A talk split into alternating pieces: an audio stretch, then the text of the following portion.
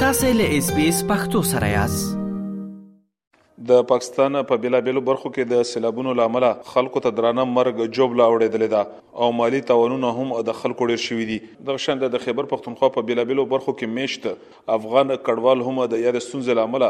د لوی مشکل سره مخامخ شوې دي په د ورسو سیلابونو کې د خیبر پښتونخوا بر دیر سوات چارسده او نوښار سیمې سېلاب زیاتې ځپلې دي. د نوښار د خېشکو په سیمه کې د افغان کډوالو کېمپ موقعیت لري. اجمل د نوښار د خېشکو په کډوال کېمپ کې ژوند کوي. دوی په خپله باندې د افغان کډوالو د کمېټې مشر هم دی. دوی وویل چې دغو اوسنیو سېلابونو له امله د خلکو د اوسېدو ځایونه ویجاړ کړي دي او دلته کې دوی د سرپناه ځای نه لري. دوی وي چې تر اوسه پورې یوازې د کډوالو د نړیوالې ادارې یا د یونیچسیار له خوا د دوی سره د خېمو د ورکولو په برخه کې مرستې شوي دي خو د ګرمۍ له امله په خېمه کې ګوزاره ګرانه ده.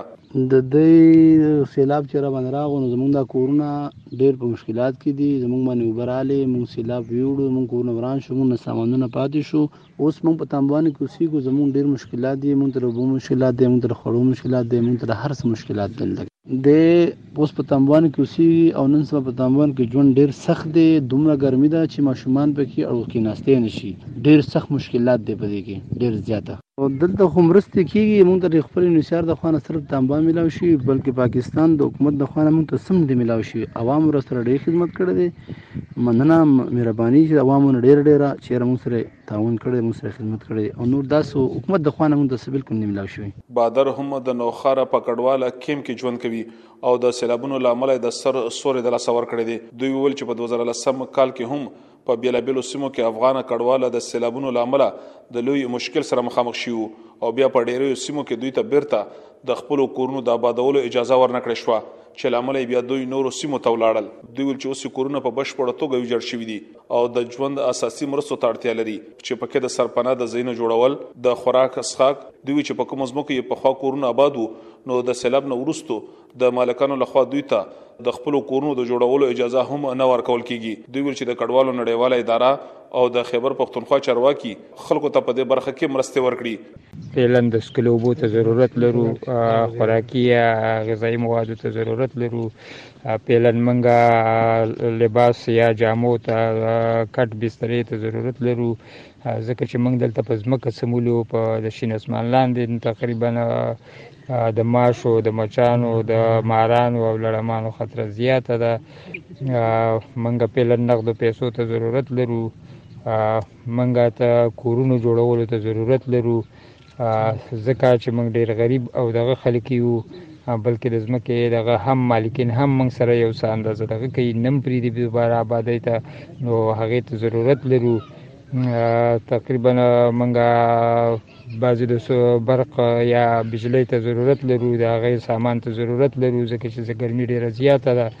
او زمونږ ماشومان نشي کولای چې په دې کې ګرمۍ کې د شنه اسمان لاندې په دې سور ټنټ کې دغه وکي زندگی یا سکونت وکړي د اما د پاکستان د حکومت له خوا تر اوسه هیڅ یو نماینده زمونږ پښتنه هم نه کړي او نم زمونږ په طرف راغلي دي زمونږ افغان قونسلګری هم زمونږ سره صدقه نه کړي یو نسیار فقط یو خیمه او یو څه کمپلی او یو څه کچنسیټو د دغه کومک موږ سره کړی دی هغه هم نور څه خپل کومک نه دی کړی بلکې افغان کمشنریټ هم موږ سره د څه خاصه مرسته او چینه دی کړی صرف او صرف د پاکستان له عوامو په مرستو تر اوسه ولاړ یو. د خیبر پښتونخوا په سویلي برخه ډرسمل خان کې هم د سیلاب له امله افغان کډوال شکایتونه کوي. دوی ویل چې د کورونو ترڅنګ یې د ګټې وټې وسیلې ټولې د لاسه ورکړې دي او دوی زیاتوي چې تر اوسه پورې د مرستو په برخه کې د دوی سره هیڅ کوم تماس نه دی نیول شوی. افغان کډوال دغه شکایتونه هم کوي چې د ځایي خلکو سره د پاکستان دولت د لورې مرستې کیږي خو ولې د افغان کډوالو سره په دې غرض مرستې نه کیږي چې دوی افغانان دي خو په ډېر لږ شمېر کې د شتمنو خلکو د لورې د دوی سره په څه نا څه شکل کې مرستې کېږي. زما نوم رفیع الله دی او د خشکو د کمپ اوسېدونکي یو، بلکې دوه کم څلوېښت کاله وشو چې موږ په دې ځای کې اوسېږو. په موږ باندې په دوه زره او لس کې هم سېلابونه راغلي وو،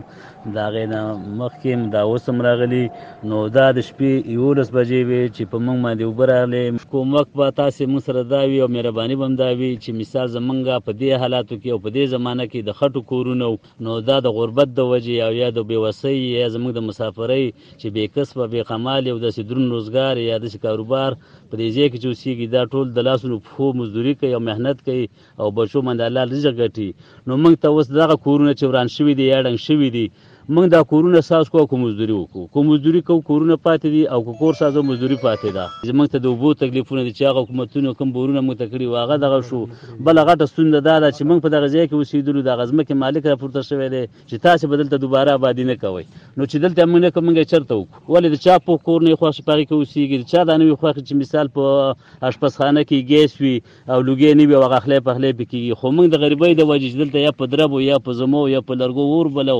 او هغه زنانه زموږ سره هم دومره محنت کوي چې هغه سترګې مثال د لوګو یا دغه د وجې پې اوښې رواني خو ولې پښتانه یو د غیرت او د عزت ښې شپې ورځې به تېرو دا زموږ دغه نه مني چې موږ داسې یو سړي ته سوال وکړو یا د لاس ونیسو نه